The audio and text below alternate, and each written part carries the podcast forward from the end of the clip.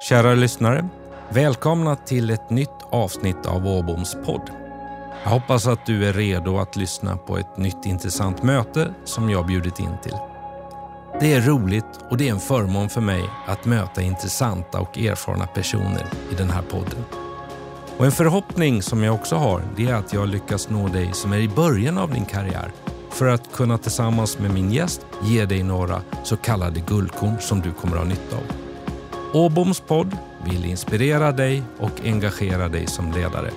Nu kör vi!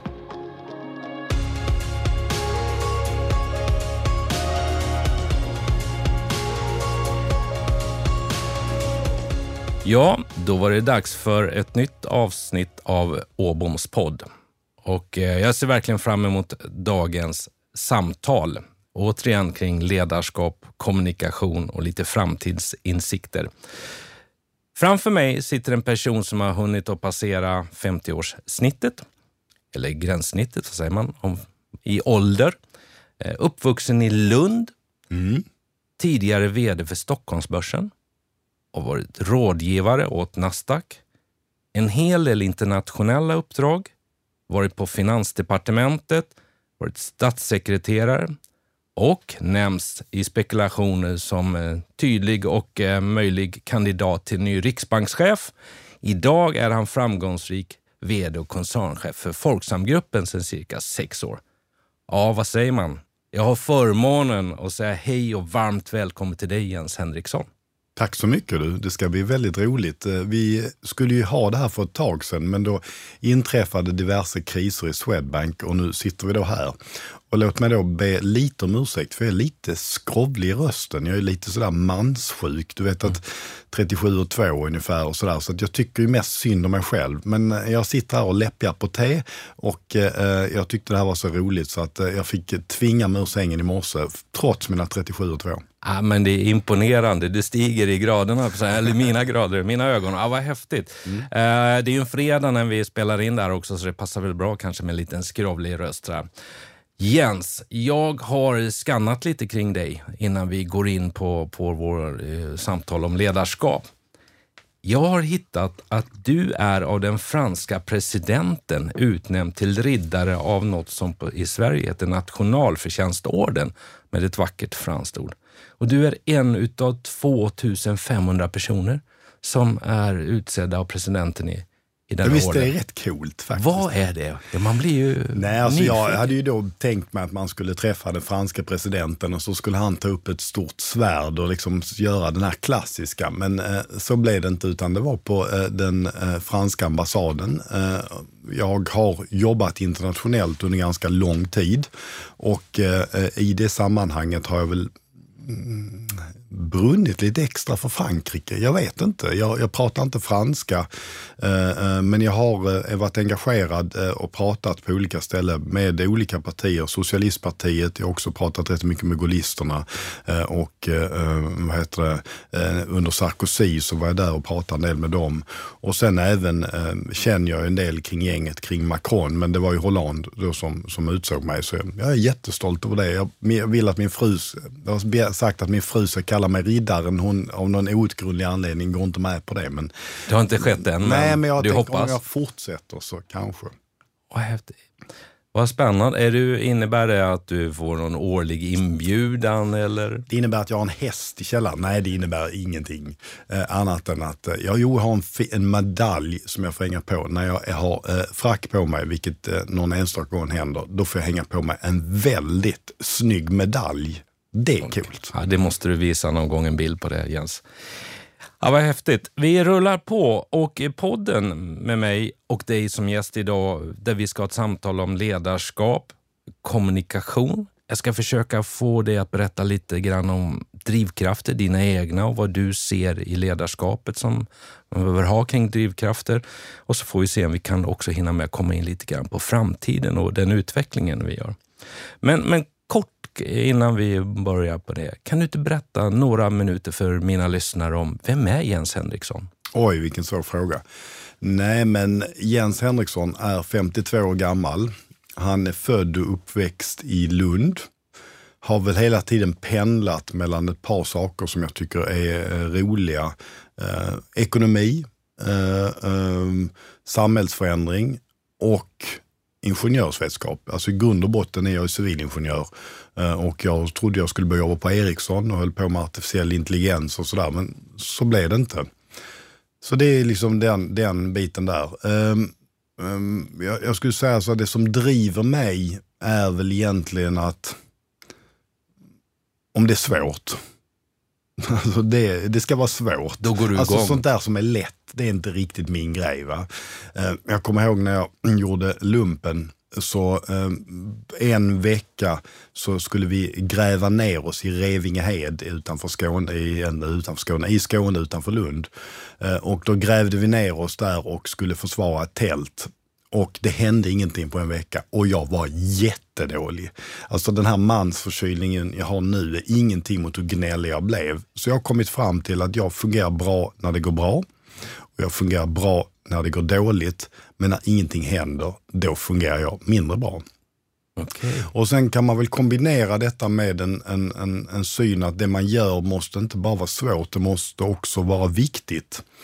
Och eh, om jag då får lite, liksom, liksom gå ner på fundamenta så är ju min bild av den svenska modellen en kombination av tre stycken marknader. Å ena sidan en arbetsmarknad som, eh, och nu Sverige och kyrkan, både arbetsgivare och fackföreningar blir arga när man säger detta. Men vi har ju en oerhört flexibel arbetsmarknad i Sverige. Eh, och sen har vi också en väldigt flexibel produktmarknad. Vet ju inte minst du som befinner dig på en, på en marknad eh, eh liksom mm. på varenda dag. Eh, och det tredje är att eh, jag är också, eh, vilket blir allt mindre populärt, en vän av en väldigt flexibel finansmarknad utan för mycket hinder och sånt. Och de här tre tillsammans skapa ett väldigt dynamiskt kapitalistiskt samhälle med, med, som producerar allt från iPhones till Coca-Cola till eh, ja, också hållbarhet om, om mm. så att säga, konsumenterna vill ha det och det finns ett tryck på det. Men det enda problemet är att vanliga människor ska leva i detta. Och vanliga människor gillar inte den omvandling. Jag menar, jag gillar inte omvandling, du gillar inte om, de flesta brukar inte gilla omvandling när det gäller en själv. Eh, och då måste man hitta trygghetssystem mm. som då gör att människor känner sig trygga. Försäkringslösningar, eh, eh, gratis utbildning vi har i Sverige, en sjukvård som inte är förknippad med om du är fattig eller rik, arbetsmarknadspolitik, schyssta a-kassa, schysst eh, sjukförsäkring, allt den biten. Då tror jag man kan få till ett väldigt bra samhälle. Och, och, då, går du, och då går du igång när du får liksom precis, vara med och du har haft turen att få jobba då i centrala funktioner Eh, på bitar. När jag jobbar för regeringen och i regeringskansliet så jobbar jag mycket med det makroekonomiska ramverket runt omkring. När jag jobbar på internationella valutafonden i USA så jobbar jag med de länder som hade problem, var Island och Lettland. När jag jobbar på börsen så jobbar jag med att få en finansmarknad att kunna liksom flytta pengar från improduktiva sektorer till produktiva sektorer. Och nu på Folksam så jobbar jag då med att ge, få, få människor att känna sig trygga i en hållbar värld. Och, och, och, vi har ju varannan svensk som kund i Folksam. Och det där är ju, då är det viktigt det jag gör och det är också svårt. Och, och det där har, det där får mig att, nu är det fredag va. Mm.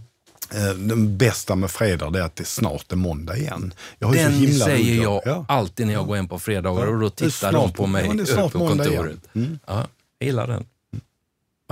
Jag, jag läste ett citat om dig. Om mig eller av mig? Uh, ett lit, nej, om dig. Shit. Mm. Ja, just det. Från mm. tidningen Chef. Med fast hand, det här är ju några år sedan, med fast hand, skarp hjärna, hård hud navigerar Jens Henriksson, chef för Stockholmsbörsen, med ett rasande tempo i den finansiella turbulensen. Och jag bara wow, här blir man nästan rädd när man läser det. Var tufft. Ja, Vad fick men, man för bild av dig där Jens? Nej, men jag är snabb. Och det är både min för och nackdel. Jag läser snabbt, jag, jag liksom tar åt mig saker och ting snabbt. Och det där är ju många fördelar. Men jag brukar tänka så här. Om man är rådgivare, då ska man vara snabb, elak och ansvarslös. Om man däremot är beslutsfattare så ska du vara långsam, eftertänksam och ansvarsfull. Och det där är en väldig skillnad mellan vara rådgivare och vara yttersta beslutsfattare. Eh, och, och, som rådgivare så kan du liksom dra på och du behöver aldrig riktigt ta ansvar. Nej. Och du nämnde, eh, mm, du nämnde Riksbanken Mm. i, i ditt inledningsanförande. Eh, och jag brukar tänka så här att jag följer Riksbanks, följer vad som händer där väldigt mycket. Och då är det väldigt lätt att liksom ge råd utanför och säga, men du borde, eller ni borde ligga lägre eller högre eller vad det nu kan vara. Va? Men det är en helt annan sak att vara den som beslutar. Och där, eh, liksom, det, man måste liksom vara mycket mer eftertänksam, mycket mer långsam. Och eh, eh jag skulle säga att mycket av, av, av liksom samhällsinstitutioner eh, och sånt handlar mindre om att göra allting rätt, men att undvika att göra fel. Och till viss del gäller det företagandet också. Eh, företagandet eh, är liksom ofta man pratar om att fatta beslut, gör det nu, gör det snabbt. Det är den värld och tid vi lever i med amerikanska filmer och sånt där.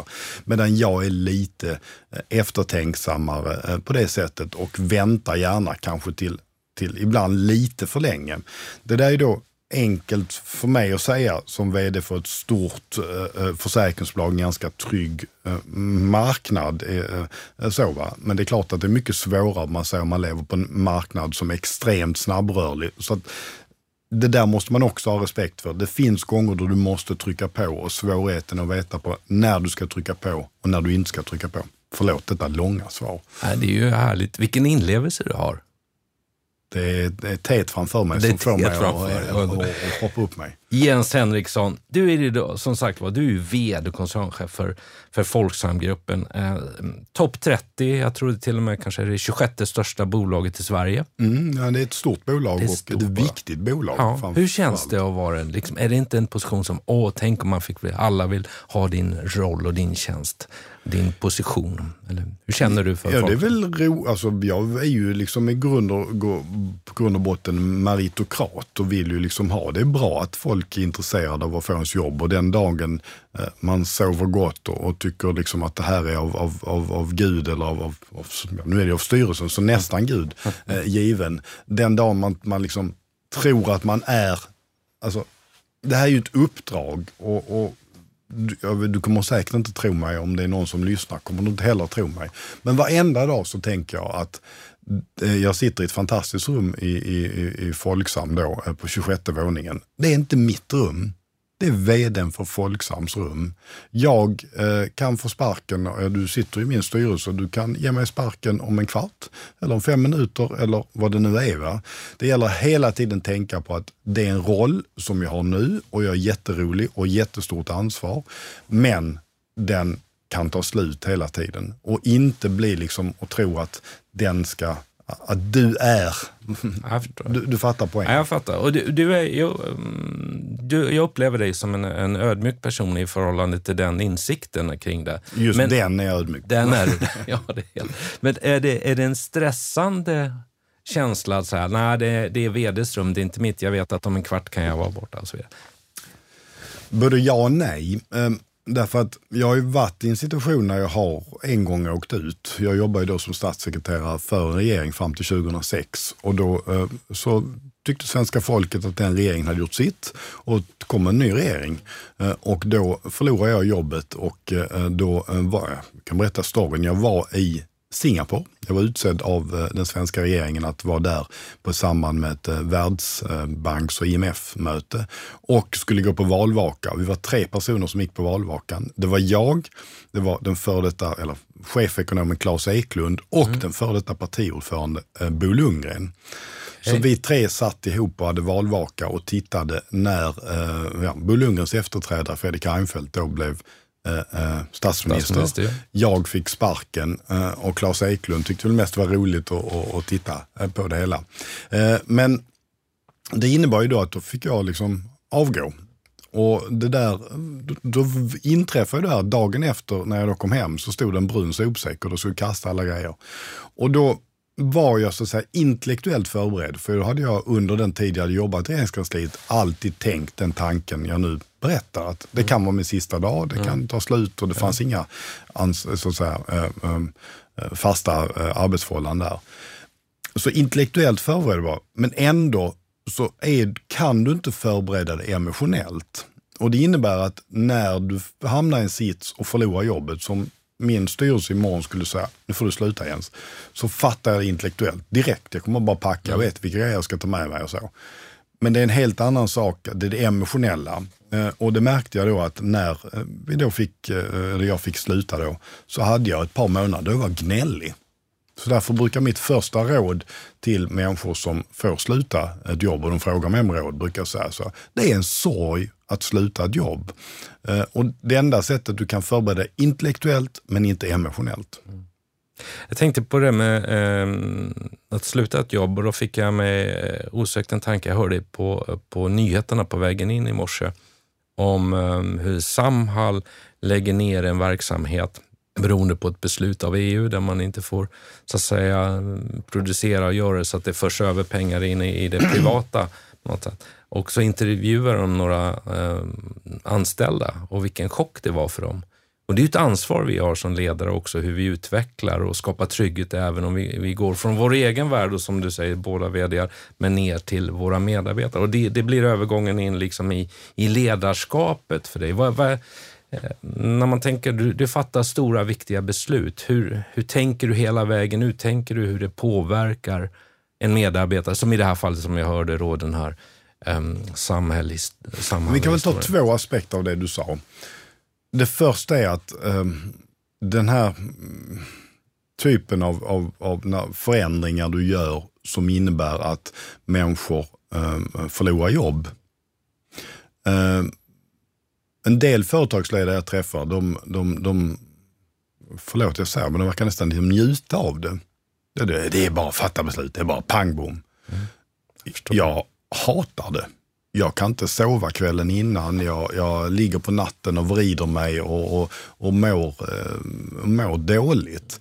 Samtidigt så måste man ju då inse att liksom, du har dels de individuella samtalen med människor eh, där det inte fungerar och sånt. Och då måste man ju förstå att i grund och botten, ja det gör du för företagets bästa men också liksom för alla andra anställda. Och erfarenheten är att den person, när man gör så här så brukar ofta personen för själv komma bättre ut sen. Va? Mm. Och den andra är då eh, större frågor när det handlar om att förflytta saker, du kan förändra folks liv. Men då gäller det då att tänka på vad som är företagets bästa. Därför det är min uppgift eh, av styrelsen eh, och jag kan inte liksom, jag, alltså, Inom bolagsstyrning tänker jag väldigt mycket i termer av eh, så att säga, long time shareholder value. Nu är ett representerar jag ett ömsesidigt företag och är mm, vd där. Va? Men de här intressentmodellerna tycker jag är liksom en, en, en viktigt sätt att tänka. Men i grund och botten så måste du tänka long time. Vad är bra? Vad, vad är bra på lång sikt? Den andra frågan du sa implicit i detta, det är att jag fattar många beslut. Eh, som vd fattar man inte så jättemånga beslut. Eh, det bästa en vd kan göra, det är ju liksom hela, tänker jag mig, det är att jag pekar ut en riktning jobba framåt med den. Och sen så utöver det så behöver inte jag fatta så mycket beslut, utan besluten är neddelegerade där de, de, de ska så att säga ligga. Affärsbesluten, eh, eh IT-besluten, eh, eh, alla bitar. Sen så ibland så som vd så blir det så att de flesta beslut man fattar handlar ju om de som är svåra i termer av, gör så så går det, åt helskotta och jag går till höger så går det åt helskotta, går till vänster så går det åt helskotta. Vilket vill du mest ska gå till helskotta? Mm. Den typen av beslut får man då fatta. Eh, och det är, jag är inte rädd för det på något sätt. Men i grund och botten försöker jag trycka ner så många beslut som möjligt. Eh, mm. Ja, intressant. Ehm, baserat på om du fattar många eller få beslut och din filosofi kring det då. Ehm, jag tänker på när jag själv blev eh, mitt första vd-jobb, eller man kan inte säga mitt första ledarjobb. Ehm, då var det för mig viktigt att jag skulle vara omtyckt som ledare. Man skulle liksom gillas av alla så inser man bara till slut att verkligheten hinner ikapp. Du kan inte, alla gillar inte blå färg, en del gillar grön färg, en del gillar gul färg, en del gillar eh, den bilen, en del... Alltså vi har ju olika tycken av smak och, och på något sätt som VD att vara till lags för alla så man blir omtyckt inser man ju eh, ganska snabbt att det, det funkar inte för du behöver fatta en del beslut. Hur resonerar du? Hur tänker du på det? Att jag tycker jag man ska vara ärlig och säga att vi alla vill bli älskade. Så tycker jag man ska ha utgångspunkten. Mm. Att uh, du vill bli älskad och vill där. Jag brukar tänka så här att, att att det viktiga är att alla förstår varför jag fattar beslutet. Eh, för då tror jag respekten finns där. Därför att respekten tror jag på lång sikt är viktigare än kärleken. Om det är så att man letar efter kärlek, ja men då ska man bli skådespelare eller eh, idrottsman eller vad det kan vara. Va? Det där. Men om man för, för man blir inte älskad som där. Man eh, blir påhoppad på alla möjliga sätt. Uh, i, I media, av kunder, av, av, av, av, liksom, av medarbetare, allting. Så det är ingen, ingen familj som tycker man jobbar för mycket och allt mm. sånt där. Va? Ehm, så att jag skulle säga att, att det viktiga är ändå att liksom bli respekterad och det tror jag man blir genom att förklara. Och, och min erfarenhet är att när det blir fel så är det ofta en eller två, ofta män, som går in i ett rum och stänger dörren och fattar beslut. Därför så eh, skulle jag vilja citera, jag tror det är sex, kinesiska kommunistpartiets 16 kongress, tredje plenarsessionen. Jag vet att det inte är speciellt populärt att, att citera det, men jag tänker ändå göra det. Mm. Eh, och eh, då säger de så här, makt ska utövas i solsken en rätt snygg formulering tycker jag. Mm. Uh, därför att i grund och botten så tror jag att makt mår bra av en transparens. Uh, och därför försöker jag undvika att fatta beslut på mitt på vd-rummet, utan jag försöker fatta beslut i koncernledningen där jag har då de, en tiotal personer runt omkring mig och där jag sagt till dem att det finns bara en sak jag blir riktigt arg på och det är om eh, jag säger något som är fel och ni inte säger till det till mig. Så jag vill ha en öppen diskussion. Jag förstår att vi inte alltid kan nå konsensus. Jag har inga problem att fatta beslut då. Men jag tycker må bästa argument vinna hela tiden. Eh, så så försöker jag jobba, att få den här respekten för att folk förstår att du har fattat besluten. Mm. Då tror jag det blir bra. Jag läste eh, för länge sedan om en, en eh, styrelseordförande och företagsledare och som sa att de bästa styrelsemötena jag går på, det är när jag har haft en, en, en liksom, jag har en klar bild kring det och eh, går på styrelsemöten och vi fattar ett beslut som inte är enligt det utan det är ett annat. För vi har haft en givande diskussion i det här och, och jag har lärt mig någonting eh, kring det. Och, och, det var lite spännande att höra en, Jättebra. reflektion. Jag håller med om det och när jag kan titta när vi har gjort fel i Folksam, så eh, vi, jag kan tänka in, tänker inte gå in på den specifika detaljen, men det var när jag var ny. Och då så sa någonting och så tryckte jag på, men så här gör vi. Och alla bara, ja men det gör vi så. Och sen så blev det fel. Och så efteråt så sa jag, men varför sa ni inte till mig att jag hade fel? Ja, då... Du var chef, du bestämde. Ja, du chef, ja, precis ja. Och jag bara, men det var ett himla dåligt argument. Ja. Och, och, och då eh, så, så har jag då jobbat väldigt mycket och nu säger folk till mig att idag skulle samma fel inte inträffa igen. Ja. För du vet, de vet att jag belönar dem som, som ja, belönar kan man göra på olika sätt, mm. så det pratar inte pengar utan jag, jag, liksom de som går emot mig, eh, eh, de blir det så att säga fördelar. Och jag pratade för nyanställda faktiskt igår. Mm. Nej vänta, onsdags var det inte igår. Utan igår kväll, precis innan jag skulle hem, så pratade jag för nyanställda. Och då säger jag, jag säger alltid till nyanställda att det finns inget värre människor som gör som man säger. Gå, gå på, ifrågasätt, våga mm. säga nej. Uh, det är viktigt. Mm. Sen är det en sak att när vi väl liksom har pratat det här och vägt fram och tillbaka och nu säger nu tar vi beslutet. Mm. Då, Då, får man acceptera. Ja. På tal om nyanställda och um, hur, så, så växlar jag över lite grann till tankarna om att samhället utvecklas. 90-talister kommer in nya generationer. Hur ser du på att det påverkar dig som ledare? Jag menar, Får man svära lite i kyrkan? Nej, jag, jag, okay. ja, precis. Uh, nej, jag tänker inte så. Nej. Det är inte alltid så att de unga som kommer in är de mest nytänkande. Ibland mm. finns det nytänkande hos de äldre. Det är liksom det där att det skulle vara knutet till en viss generation, det tror inte jag på. Utan någon som har, är jätteung och, och kan ha fastnat redan från början och så har du någon som är 60-70 som fortfarande tänker liksom hela tiden på. Det tror jag, eh, så, liksom, det, det, tror jag är viktigare. Eh, så det, det, det, är liksom, det viktiga är att få en, en en heterogenitet i, en, eh, i ett, eh, ett företag eller i en grupp som bestämmer. Självklart så ska det vara uh, ungefär lika många män som kvinnor. Grupper med bara män blir inte bra, grupper med bara kvinnor blir inte bra. Uh, uh, åldern ska variera, uh, därför det finns, så att säga, liksom, de behöver inte det finns olika referensramar. Eh, det vi är dåliga på i Folksam, det är folk med utom eh, svensk bakgrund. Eller så, jag kan inte mm. säga. Man säger, jag förstår vad du menar. Folk som inte har eh, efternamn som, folk som har efternamn som är svåra att stava till. Som sven, inga sådana där. Det skulle jag vilja ha fler. Jag märker att vi får in många på, på liksom i kundtjänst och i skadehantering. Vi har ju flerspråkig och vi är bra där. Men jag har hittills inte riktigt fått in det i ledar i ledargruppen. Och tänker, beror det på mig? Jag vet inte. Så det är en fråga jag brottas med och sådär. Va?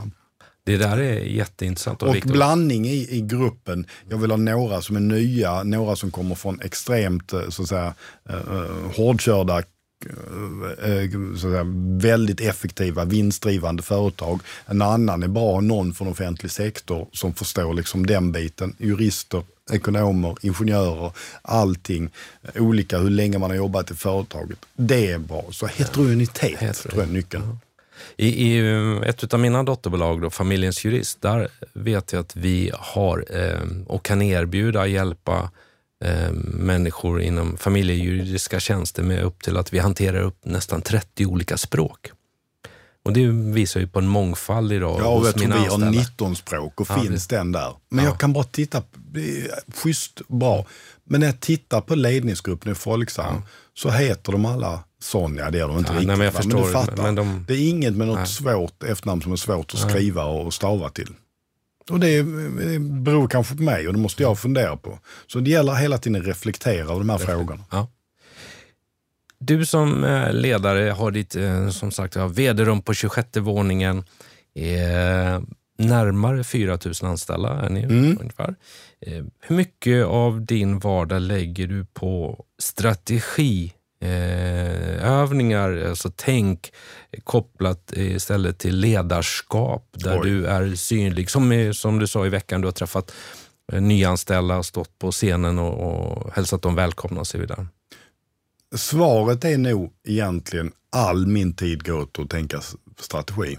Därför även när jag står där och pratar inför nyanställda så måste jag kunna beskriva strategin för Folksam. Och när jag märker att jag inte kan berätta den och när jag märker att de inte förstår vad jag säger, då beror det inte på dem. För vi får skit och förlåt, för jätteduktiga människor uh. till eh, Folksam. Fantastiska utbildningar, fantastiska bakgrunder. Men det beror inte på dem, det beror på att jag förklarar dåligt. Så att jag tänker strategi hela tiden. Och jag brukar tänka att en vd-roll i ett sånt här stort eh, företag som Folksam handlar lite nu får du tänka på att vi inte riktigt är en fast moving consumer goods, för det är lite annorlunda, för då mm. måste mm. du vara lite snabbare. Mm. Här finns den här inneboende trögheten. Men jag tänker Folksam som en stor atlantångare. Låt oss hoppas, hoppas att det inte är Titanic. Men mm. Då tänker jag mig att min roll som, som vd är då att titta ut och sen så, ja, ber om ursäkt, jag är ingen sjömänniska, så här, sväng åt vänster. Det kallas sväng, för babord. Ja, jag vet. Eller styrbord. Sväng åt vänster mm. och så säger jag det, står på bryggan där i min, jag har min medalj på mig. Ja, just det. Eh, och, jag ser bilden framför tack. mig Jens. Och så säger jag sväng åt vänster ja. och sen så händer det ingenting och sen så efter ett tag så bara, oh, dyker det upp ett isberg till vänster. Jag bara, jaha, sväng åt höger säger jag. Och precis när jag säger sväng åt höger, ja då börjar det här skeppet svänga åt vänster. Long and variable lags. Det finns liksom i beslutsfattande i stort företag så finns det en väldigt, jag tror att, ja men nu har jag sagt, nu gör jag så, men sen att det verkligen är i kundmötet, det är en rätt lång process där och tar lång tid. Så därför så försöker jag tänka att mitt vd-skap går ut på att fundera alltid kring vad är det för isberg som kan dyka upp. Och det är fyra isberg jag alltid funderar på. Det första är den ekonomiska utvecklingen. För det har betydelse för ett försäkringsbolag både på skuldsidan och tillgångssidan. Det andra eh, rör den regulatoriska verkligheten. Eh, eh det handlar om att se till att vi, vi har, eh, eh uppfyller de regulatoriska bitarna. Eh, och där är min grundinställning, gilla regler vi är ett kundägt företag. Det innebär många av reglerna finns till för att skydda kunderna. Så det borde vara en ännu större fördel för oss se till att och göra ännu bättre produkter tack vare det. Det tredje är digitaliseringen och det fjärde är hållbarhetsfrågor. Sen kan man liksom tänka kund utifrån de här aspekterna. Men det är de fyra grejerna jag i grund och botten ägnar varje dag åt att tänka på. Hållbarhet kommer jag att komma tillbaka lite till. För det är ju en del av ditt affärsmannaskap, en del av din, ditt ledarskap, en del av ditt tänk att vara företagsledare, vad, vad ditt företag ska mm. vara i fokus på det också. Eh, det här med kommunikation. Jag, och jag säger jag, eh, har försökt, eller jag jobbar på det, jag är inte riktigt i mål än, men jag har börjat att sätta av tid i min planering varje vecka där jag skriver så att säga, eget kommunikationspass. Där jag tillåter mig under en timme eller 90 minuter sätta mig och fundera. Vad behöver jag kommunicera ut till eh, mina kollegor i hela koncernen? Vi är idag vi är inte 4 000 anställda, vi är 940 anställda. Hur ska jag kommunicera till dem? Vad har de behov? Vad är det som driver eh, ett ökat engagemang? Vad skapar eh, grunden för en, kommunikation, eller en dialog rättare sagt. Eh, för jag upplever att det är en stor skillnad mot förr i tiden i behovet av att kommunicera. För det går så fort idag. Eh, och eh, jag menar, vi är ju i samma årgång ungefär, plus minus ett par år. Och eh, det kan man ju konstatera, när man började sin karriär, då fanns inte mobiltelefonen, då fanns inte internet, då fanns inte mejlen. Du åkte på ditt sportlov och kom hem efter en vecka och så såg du vilka brev du hade fått. Det Idag funkar det inte så. Hur, hur mycket tid lägger du på kommunikation? Och hur, hur, en ärlig fråga, hur duktig är Jens Henriksson på kommunikation? Nej, men jag blir avundsjuk på dig. Därför det är ju du som har rätt. Jag gör inte det. Men det är ju du som har rätt och jag som har fel. Jag tror det viktiga med kommunikation i den här moderna tiden är att se det att det är total kommunikation. Du kan inte ha ett budskap till de anställda, ett annat budskap i reklamen och ett tredje budskap i förtjänt media. Och ett fjärde budskap mot kunden. Utan i grund och botten är det så att all kommunikation måste hänga ihop. Eh, och det där gör det både svårare och enklare. Enklare därför att om du vet vad du vill säga så säger du det överallt. Svårare därför att om du inte är konsistent så syns det direkt. Så det är liksom min grundingång i kommunikation. Jag tycker, uh, uh, får man ta en lite längre ut, utläggning. Ja, ja. Det är, jag lutar mig tillbaka och lyssnar lite nu Jens. Ja. Jag ja. träffade, um, pratade med för några år sedan, uh, något år sedan med Sven Otto Littorin Eh, och han var ju partisekreterare åt Moderaterna och vad han gjorde var att han tänkte väldigt mycket på hur um, han berättade så här, han fick ett stipendium och åkte till Stanford, universitet i Kalifornien i USA. Mm. Yes. Och där träffade han en, en, en, en kille som uh, var var, eh, jobbade i bilindustrin och gjorde sådana här, vad heter det, dashboards, alltså eh, hur, hur, hur man styr en bil, hur det ska se ut runt omkring. Mm. Eh, och eh, då eh, beskrev den här killen att hur han jobbade och han gjorde så att han började tänka hur, om vi tar bort all teknik och allt sånt där, begränsningar. Hur, hur skulle vi vilja att ett dashboard ser ut? När du sitter i en bil, hur skulle vi vilja att det ser ut? Och när vi väl har gjort det, då lägger jag på liksom de tekniska restriktionerna och så rör jag mig tillbaka och sen kommer till nutiden. Och då har jag liksom en produkt. Och då sa Sven Otto sagt att det är konstigt, för så tänkte jag väldigt mycket om politiken. Jag tänkte att Moderaterna ville vinna valet. Ha, för att vinna valet så måste ett antal personer rösta på dem. För att de ska rösta på dem måste de tänka att de Moderaterna är ett svar på de frågor som människor ställer. Då måste Moderaterna välja att man fokuserar på de fråga som Moderaterna gillar. Och för att göra den där, då måste vi året innan ha börjat lyfta upp de problemen och då måste vi börja tänka. Och så kommer man tillbaka och så deducerar man tillbaka. Så att han sa liksom när, när de ville vinna valet 2006 så gjorde de så att 2002 så hade man plan från början. Så att nu måste vi, ja, de här arbetsgrupperna måste där, du måste göra detta. Och det där gillar jag liksom som tankar om att man måste så att säga, tänka vad vill man uppnå och sen deducera dig bakåt, eller fram, bakåt i tiden och tänka på, ha, vill jag uppnå något om fyra år? Vilka steg ska jag det? steg Men utgångspunkten är liksom, vart vill du gå? Och sen så jobbar du dig bakåt i tiden. Det gillar jag som angreppsvinkel. Mina lyssnare i den här podden hör ju att Jens Henriksson är, är kommunikativ. Det hör vi på, på resonemang, hur du tänker. hur Förlåt, du då blir jag bara, nu avbröt jag. Ja. Och det är det som är det kommunikativa. För pratar du då utåt om, jag vill uppnå detta. Vi vill ha Mobile first som exempel. Ja. Vi, jag tror att kunden i framtiden, det kommer inte vara någon skillnad på hur skadanläggaren, vad skadanläggaren ser och kunden ser i framtiden.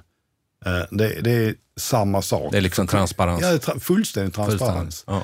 Och då innebär det, ha, om det är framtiden, ja men då innebär det att då måste du skala ner kundmötet, eller ändra så. Och mobile, den kommer mobil och jobba framåt och, då, och så kan du fatta beslut så. Det var så jag menar med kommunikationen. Som du Ja. riktar det framåt och sen reducerar det bakåt. Förlåt. Ingen fantastisk ehm, liksom, tanke du har där och du, hur du har tänkt igenom det.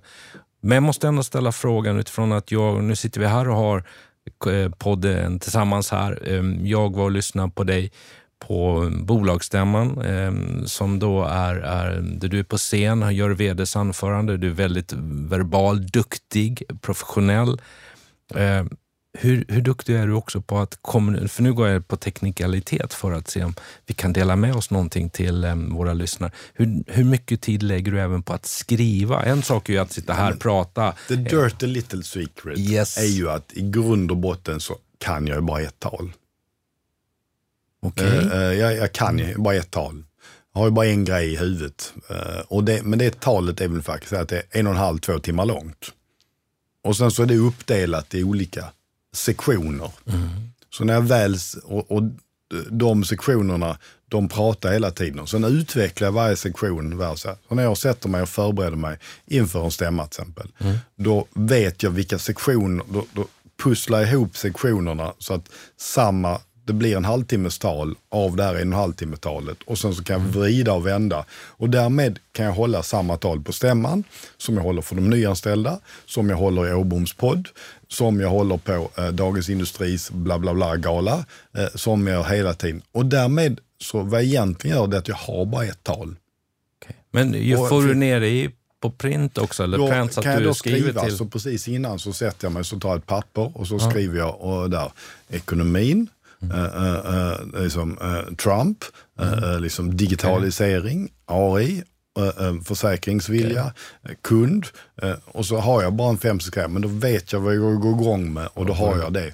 Så att, Och hur gör du om du ska förmedla det här i skrift och skicka ut det? Um, jag gillar ju att skriva. Du gillar att Jag, skriva? men jag har ju jobbat som Alltså, em, jag har jobbat som ledarskribent och skrivit och varit krönikör och kolumnist i ett antal frågor. Så jag skriver, ja, så jag publicerar, eh, har en blogg eh, som jag nu eh, lägger då på, på intranätet. Så igår så gjorde jag en blogg där jag pratade om just digitaliseringen och svårigheten att Folksam med att å ena sidan går det väldigt bra för Folksam, eh, eh, å andra sidan har vi kostnadsutmaningar eh, och utmaningar med digitaliseringen. Och hur kan man både gå bra och samtidigt så skär vi ner på något ställe. Hur får du till den? Och då, måste, då skriver jag och då formulerar jag det och i formuleringen tillbaka till det var förut, då är det strategibyggande. Så att i grund och botten som vd och koncernchef, det är det enda du ägnar dig åt. Och även när det är en cykelställsfråga så måste du få in den i din, i i din strategi. Som vi hade till exempel diskussion om rökrum för några år sedan. Eh, Och då tänkte jag, det är otillständigt att när jag kom så fanns det ett rökrum mitt i Folksam. Helt absurt. Eh, eh, och, och då sa jag bara, "Nej, men vi kan inte ha ett rökrum. Så vi gjorde oss av med det. Vi hade konferensanläggningar. Nej, men var, varför ska det finnas en konferensanläggning? Det är inte vår kärnverksamhet. Sålde av den. Gick mot eh, så att säga, aktivitetsbaserat. Därför flexibiliteten. För att kunna möta kunden bättre. Så då, då blir allting man gör måste hänga ihop på det sättet. Sen så absolut. ibland så misslyckas man ju naturligtvis. Om jag går till mig själv vad det gäller kommunikation så eh, behöver jag bli bättre på att förklara varför, alltså sammanhanget. Ja. Som ledare man skickar ut så här, men nu gör vi det här, vi, vi ska slå ihop de här två avdelningarna. Vi, men vi lägger, eller jag, jag ska inte säga vi, förlåt. Jag lägger för lite tid ibland, kan jag Titta Självklart. På, titta på förklara varför. Ja, för att ge den där, för att uppnå kanske det som medarbetarna säger, respekten för ledaren för att man förstår varför ledaren har fattat beslutet. Självklart. Och om du skulle fråga folk, Folksam, är strategin för Folksam tydlig? Skulle folk säga, nej det är inte alls. Va? Så att liksom, självklart, helt rätt. Uh, uh, jag brukar tänka att du, du ska prata en sak tills du kräks av att säga den. Och när du väl kräks och tänker, usch vad tråkigt att säga det en gång till. Mm. Då börjar det sakta. sakta lysa igenom. Jens, förhoppningsvis har vi några unga ledare som lyssnar på den här podden. Eh, vad skulle du skicka med som ditt bästa kommunikationstips till dem att ta med sig? Bli duktig på det du gör. Bli duktig på det du gör och, och öva det och förklara. Mm. Du måste kunna förklara svåra saker enkelt. Mm. Så berätt, liksom, all, det finns ju en, en del människor, äh, när man är ny ledare äh, eller ny chef, så händer det att många människor blir oroliga över att anställa duktiga människor. Man, man, man är helt ny chef och sen så tänker man, oh, tänk om jag har duktiga folk under mig. Då ser ju min chef ovanför mig att den andra är bättre och då kommer jag förlora jobbet. Det där är bullshit. Alltså i grund och botten så är det enkelt. Tvärtom, tänk tvärtom. Anställ bara folk som är smarta och duktiga än dig själv. Chefen ovanför dig kommer alltid bara se vilka resultat du gör och om du har duktiga människor än själv, då får du bra resultat. Då kan du jobba mindre, då kan du fokusera på de eh, övergripande frågorna och din chef kommer nöjd över det. Så det är liksom det enkla tipset. Se till att omge dig med folk som är duktiga och bättre än dig själv. Det gör jag. Det var klokhet där. Och det var baserat på egen erfarenhet. Det märker jag när du berättar, ja, när jag tittar ja. på dig. Jens, eh, vilka är dina drivkrafter för att göra det här jobbet? Jag menar, jag vet att du reser världen över, mängder av möten, förhandlingar. Två saker. Skoj. Du måste tycka det är roligt. Skoj. Mm. Tillbaka till det vi pratade om eh, med att eh, det är fredag och att snart är det måndag. Du måste tycka det är roligt. Och det andra är att det är viktigt. Skoj är viktigt. Ja, och ska du lägga till svårt. Ja, just det. Det är ju klockrent på dig. Det måste vara komplicerat. Det måste vara svårt. Alltså, det är enkelt. Nej, det är inte min grej. Nej, okej. Okay. Hur, hur, eh, för att ha det här synsättet, nu är det fredag, det är bara två dagar kvar till måndag. Det här med skoj. Ehm, hur, hur, ehm, hur laddar du din energi? Nej, men, ja, men jag laddar nog min energi i termer att jag tycker det är roligt det jag håller på med. Sen har jag hittills har jag faktiskt inte haft något jobb där jag liksom tyckte det var tråkigt jag höll på med. Det skulle möjligtvis när jag var på tvätten i Påklund Rausing. Då tyckte jag det var rätt tråkigt. Vad sa du? Tvätten? I Påklund Rausing, jag jobbade med att tvätta valsar där ett tag. Då, då tyckte jag det var rätt tråkigt. Men det var ju mer liksom ett sommarjobb och ja, det var extrajobb och sånt här. Va? Men eh, är det... Mm, nej, nej. Det, det, nej, det, jag har inte haft det problemet. Du har inte haft det? Nej. nej. Nu fångar jag upp tråden om hållbarhet. Mm. Eh, ganska nyligen, ganska helt färskt, så är det så att jag läser att Folksamsgruppens VD och koncernchef Jens Henriksson utsågs till svensk representant i det nya FN-nätverket GISD, alltså Global Investors for Sustainable Developments. Och det är ett globalt nätverk för investerare för att stimulera investeringar i linje med Agenda 2030. Mm. Uh, får man ju lite gåshud när man läser. Nej, men, Sitter man med jag är jättestolt uh, Jens Henriksson som nej, men, det, nej, det är inte yeah. Jens Henriksson. Det är ja. vdn för Folksam okay. som hamnat där. Det tycker jag är viktigt att tänka på. Uh, utan jag var jätteroligt att få ett brev av FN-chefen och säga, nu ska du vara med i den här gruppen. Och det är ju, vi är ju grupp i Sverige och eh, jag gör det ihop med en kille som heter Rickard Grötheim som jag tror jag nämnde nyss, som är då vd på Sjunde AP-fonden. Så gör det något år och sen så får någon annan ta över det. Grund och botten är en kombination av två saker. Det första är att vi i Sverige, vad det gäller alla bolag, ligger i framkanten och det är det som är, vi har en svensk motsvarighet som heter Swedish Investors for Sustainable Development. Eh, och det är det FN har tittat på. Så det är den ena saken och det är klart att Folksam har ju legat i framkanten i de här frågorna och om jag får vara lite kaxig så tycker jag fortfarande att vi ligger i framkanten, om inte främst bland alla finansiella företag i Sverige vad det gäller hållbar, synen på hållbarhet. Därför att vi har jobbat med det i över 50 år. Vad säger dina kollegor om, om uh, Folksams resa kring hållbarhet? De i Sverige blir alltid irriterade när jag säger att, jag är att vi är bäst. Eh, och så försöker de visa att de är bättre och det är väl bra. Så det är en ren konkurrens, mm. så det är inga konstigheter. Eh, men om jag tar mig som i position att jag är en svensk i USA. Eh, därför du kan ta Lisa Jonsson på Robur eller du kan ta eh, eh Rickard då eller du kan ta ja, Kerstin Hesthus på AP-fonden, vem som helst va? Eh, eh, av de här eh, vdarna. Magnus Billing på Alecta, Johan Sidemark på AMF och sånt. Så är det ju ändå så att vår ingång är ju att vi är, vi vill tjäna pengar för våra kunders räkning.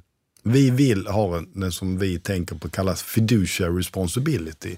Vi har ett ansvar för att våra kunder får en bra pension eller en låg bilförsäkringspremie. Eh, eh, och då gör vi det genom att tänka långsiktigt. Och den som tänker långsiktig kapitalavkastning måste tänka hållbarhet. Så att de här, en del är liksom fortfarande, om du träffar ut, många utländska så säger, är de kvar på temat att oh, vi ska maximera våra pengar och då kanske vi har råd då att tänka lite på hållbarhet. Ja, precis tvärtom. Och Sverige är tvärtom. Jag pratar inte bara för mig utan, och Folksam utan för alla de här institutionerna. Så är det så att om vi inte tänker långsamt, då är det dåligt för avkastningen. Och den här att vända på det, det är det som är nyckeln i det svenska fantastiskt spännande resa och um, skulle gärna vilja sitta med i, i, som en liten fluga på väggen när ni diskuterade inom FN. Vilken häftig uh, vilken plattform att få, arena att få vara på. Ja, det var jätteroligt. Ja, det förstår mm. jag. Uh, Jens, vad gör dig riktigt glad som ledare? Nej, men det är vardagen. Det är vardagen, vardagen. ja. Det är vardagen. Det är liksom att cykla till jobbet eller ta tunnelbanan in på morgonen och sen uh, eh, säger liksom att eh, få jobba och tycker det är roligt. Och sen komma hem sent på kvällen. Även det är vardagen. Det är det vardagliga gnetet, de små problemen som man löser. Uh, är du verkligen så positiv som du, du framställer? Nej, alltså det... lite måste jag överdriva för jag sitter här i din podd. Så att eh, det är, ja. nej, det är, så, alltså det har väl också gnälliga dagar. Igår var jag rätt gnällig faktiskt. Jag var, det var mm. Min mans förkylning slog jag på och det grövsta. Men nej, nej, men det är ändå, jag försöker tänka att det är roligt. Sen så är jag ju dålig på, jag borde ju skratta mera och ha massor med problem och så här. Men strunt samma. Strunt samma. Det är vardagen är, liksom, är rolig. Om jag ringer ehm, Ylva Wirsén som är vice vd mm. på Folksam. Och så säger jag så här, Ylva, jag har suttit och spelat in en podd med Jens Henriksson om ledarskap. Eh, hur skulle du med tre ord beskriva Jens som, som ledare och som din närmsta chef? Vad skulle hon säga till mig då? Nej, det tror jag man ska akta sig för att säga. Va? Men det, äh, akta sig och recensera sig själv på det sättet. Men jag tror att um, i grund och botten så tror jag inkluderande. Mm. Ibland uh, därför att jag vill ha den här. Uh, um, jag tror att hon skulle säga att ibland så är han liksom lite för snäll. Uh, ja, vi tar bara upp negativa saker, mycket roligare. Uh, lite för snäll. Uh, ibland så, varför han väntar lite, lite för länge med att fatta beslut. Är han alltid så tydlig som man säger? Ja, men skulle kunna gå igenom där. Och kommer han inte för sent till några möten? Det finns massor med grejer som vi kunna gå igenom det negativa hon skulle kunna säga. Och det hoppas jag hon skulle säga. Därför att det är väl liksom i grund och botten, jag gillar tror på den här tillbaka till öppenheten, till transparensen. Om jag inte vet att jag gör fel där, då kan jag inte bli bättre. Om jag skulle lägga till två ord själv utifrån att vi har träffats under mm. några år igen, så skulle jag säga ärlig och tillgänglig, och, eller tre ord, och driven om dig som ledare ja, och dig som person? Jag försöker vara ärlig. Eh, det är inte så... Jo, jo men jag försöker vara ärlig. Ja. Jag försöker vara ärlig. Sen behöver man inte alltid berätta allting, men jag, men jag tror att jag har en tendens att berätta för mycket snarare än att hålla igen. Eh, då, va? Eh, jag sandbagar ibland lite. Jag berättar gärna att det här kommer gå åt skogen och sen mm. så går det lite bättre. Det gillar jag okay. mycket mer. Va? Snäll jag, min, nu jag sitter med en begravningsentreprenör framför mig och en vd för en begravningsfirma. Så, eh, jag vet inte om det är du som får göra min gravsten, men om, så här i förväg så skulle jag gärna vilja att det stod en sak. Snäll, punkt. Eh, och snäll är tycker jag, ett väldigt fint ord. Mm. För snäll behöver inte betyda att man alltid gör det som är liksom snällt på kort sikt, utan snäll kan också vara på lång mm. sikt. Uh, och det skulle jag vilja vara. Med lite glimten i ögat så kan vi, när vi har spelat färdigt podden, eller spelat in och sagt, så kan vi skriva ner det och så lägga in det i Vita arkivet till dig. Så löser vi det, så inga problem. Oj, nu kändes det så riktigt jobbigt. Ja, det liksom nu blev det väldigt konkret och nära. Ja. Snäll men, punkt, jag skriver det här. Det var trevligt. Ja, okay. Mm. ja, uh, det börjar gå mot sitt slut av um, Åboms podd med gästen Jens Henriksson den här gången. Uh, ett fantastiskt samtal och uh, med en skulle jag vilja citera som en, uppfattas som en väldigt stark och dynamisk ledare som eh, dessutom väldigt rolig att sitta och lyssna på. Vilket jag hoppas också våra lyssnare i podden eh, Jens uppfattar. Kan vi få en sån här ärligt svar på frågan om eh, kommer du att bli nästa riksbankschef i Sverige? Du, jag trivs väldigt bra på Folksam och jag har inga andra planer. Har ni tänkt? Nu, nu klev han in i som att han trodde att Åbom var en journalist. Märkte ni det politiska svaret? Vi släpper den med lite glimten i ögat. Ehm, och jag vet att du trivs bra och Folksam gör ju en fantastisk resa med dig och kollegorna i, i verksamheten just nu.